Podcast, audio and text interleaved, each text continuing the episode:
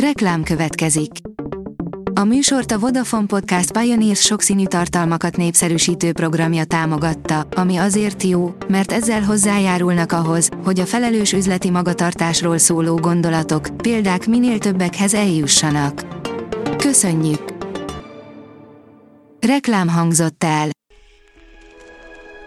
Lapszemle következik. A nap legfontosabb tech híreivel jelentkezünk. Alíz vagyok, a hírstart robot hangja. Ma június 15-e, Jolán és Vid napja van.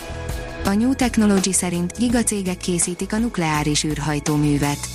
Az Egyesült Államok Védelmi Minisztériumának kutatófejlesztő részlege a Blue Origin, a General Atomics és a Lockheed Martin segítségével gyorsítaná az utazást a Holdig. A GSM Ring írja, új kamera szabadalmak a Xiaomi-tól. A kínai cég folyamatosan fejleszt és újabb szabadalmakat védett le. Most mutatjuk, hogy milyen kameraszigeteket terveztek meg. A mostani szabadalmi renderképek alapján a vállalat tovább fókuszál a kamerák fejlesztésére.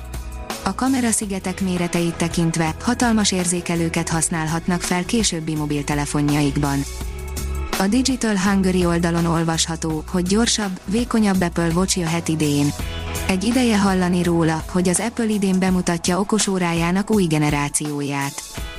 Nincs elég processzor, leállt a Samsung Galaxy S21 F gyártása, írja a PC World.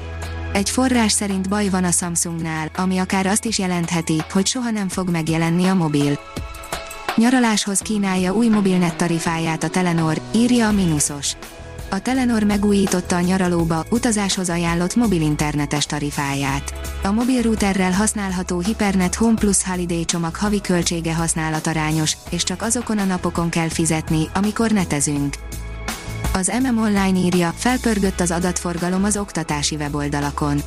Az érettségi közelettével idén márciusban és áprilisban duplájára nőtt a mobil adatforgalom azokon az oktatási oldalakon, melyeket a Vodafone Magyarország a távoktatás időszakában tett adatforgalom használata nélkül elérhetővé a diákok és a pedagógusok számára. A Bitport szerint éppen most születnek a jövő óriási űrvállalatai. Már az elmúlt évtizedben is több mint 180 milliárd dollárnyi tőke áramlott az űriparba, az új tőzsdei megjelenések pedig lehetővé teszik, hogy a szélesebb közönség is űrtechnológiai befektetővé váljon. A 24.20 szerint videón, ahogy az ISS átrepül a napfogyatkozáson. Egy magyar fotós kapta el, ahogy a nemzetközi űrállomás éppen jókor halad el a nap előtt. Hamisítják a foci EEB jegyeit, írja az IT Business. Többeket becsaphatott egy budapesti férfi, aki a labdarúgó Európa bajnokság budapesti meccseire árult nem létező belépőket a Facebookon. A tudás.hu írja, fél évszázados a műegyetem oktatóreaktora. 50 évvel ezelőtt avatták fel Magyarország egyetlen oktatóreaktorát Budapesten, az évfordulóra ünnepi konferenciával emlékezett a Budapesti Műszaki és Gazdaságtudományi Egyetem. A hazai villamos energiatermelés felét atomerőműben állítjuk elő, amelynek alapfeltétele a hazai szakember utánpótlás, valamint kutatásfejlesztés és innováció. A PC World szerint fotókon az óriási rakéta, ami visszarepíti az embert a Holdra. Első alkalommal szerelték össze az SLS főbb elemeit, a NASA szerencsére fotóst is hívott. Korszerű aszteroida vadász távcsövet épít a NASA, írja a gyártástrend. A Near Earth Object Surveyor feladata a Földre veszélyt jelentő kisbolygók és üstökösök beazonosítása lesz.